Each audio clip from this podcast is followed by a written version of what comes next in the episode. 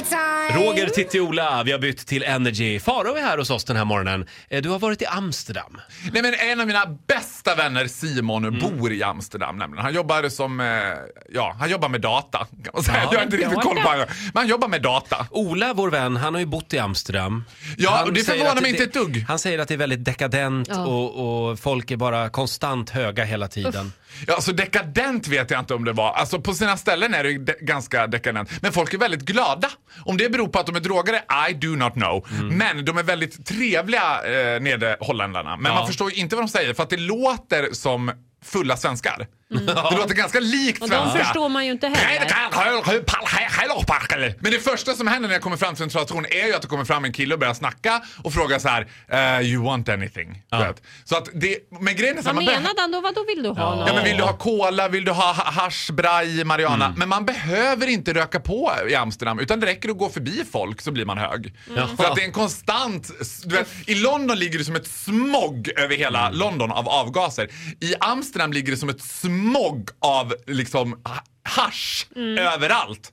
Men ett besök i Amsterdam är inte ett värdigt besök unless you have visit the red light district. Just det. Det är ju det som är det kändes. Och det kan ha varit, det enda tanken jag hade med mig var, vad är Titti Schultz? Det var alltså Hin Håles sista anhalt, djävulens ja. väntrum. Det var det värsta jag varit med om i hela Vad mitt liv. skulle jag där och göra? Ja men du skulle vara där och skälla ut Vet och jag, styra upp. jag har varit i Red Light District i Amsterdam. Eh, skolresa, 15 år gammal, sällskap av mamma och pappa.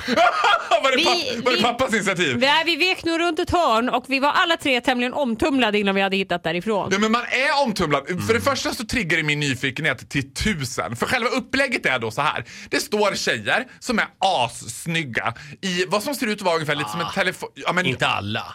Ja, men det finns någon, en och annan kommod. En, och annan tvättmöbel med, luckor. Men annars så ser de ganska bra ut tjejerna och de står i vad som ser ut att vara typ en telefonkiosk.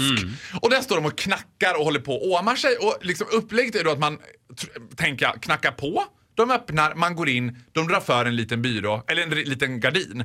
Och sen får man göra någonting där bak med dem. Det, det får man nog göra om man betalar. Ja, men grejen är ju det att i och med att det här har blivit sån jäkla turistattraktion så är det ju som att gå på Kiviks marknad Ja. mer än att gå i något så här sexuellt laddat horkvarter i Tyskland. Jag har Det är- också svårt att tänka mig att det kan, det kan ju inte vara upphetsande. Nej men fy fan! Alltså det var fruktansvärt! Det var ju bara horder av engelsmän som hade svensexa och som gick och skrattade och fulla och skrålade och där ska de där säga så. Jag var så sugen på att gå in och bara se vad, vad gör de? Hej, liksom? jag betalar för att få prata en stund. Du, hade förmodligen gjort hennes kväll. Nej, jag tror att de tycker att det är de absolut sjukaste jävlarna. De här som kommer in och bara Can I just only hold your hand? Nej, men inte gå in där och ha någon terapistund och jag blev slagen av min pappa när jag var liten. Inte så. Nej men jag är ju nyfiken. Utan- Jag skulle fråga så här. Jaha, hej tjejer, hur ser prisbilden ut? Ja, men det är ju det jag menar. Kan jag få se på en meny?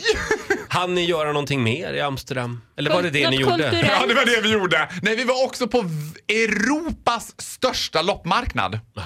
Det var ju en twilight zone för folk som gillar loppis. Jag gillar ju loppis. Ja. Men det här var ju liksom beyond beyond. Och den här konstanta stressen att man har missat något. Att det finns något bås man har missat, något Ja. ställ, något stånd. Tänk om det finns en silverörn som jag inte har sett än. Fan! Du vet. Blev det några köp? Nej, det blev faktiskt inga köp. Jo, jag köpte tre stenar. Tre stenar? Köpte du tre stenar små och tog stenar, med dig ja. hem? Vad är det för stenar? Jo, men det är stenar som är, vad heter det, spirituella stenar. Kristaller. Nu börjar det spåra ur känner jag. Ja, Okej. det var fina kristaller som jag köpte i Amsterdam.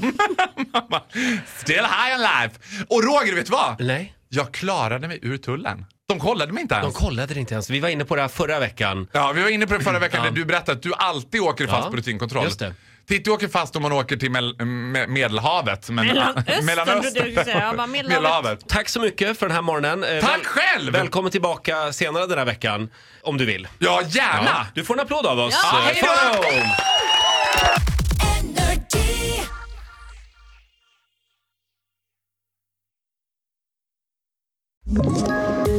Poddtips från Podplay. I podden Något Kaiko garanterar östgötarna Brutti och jag, Davva, dig en stor dos skratt.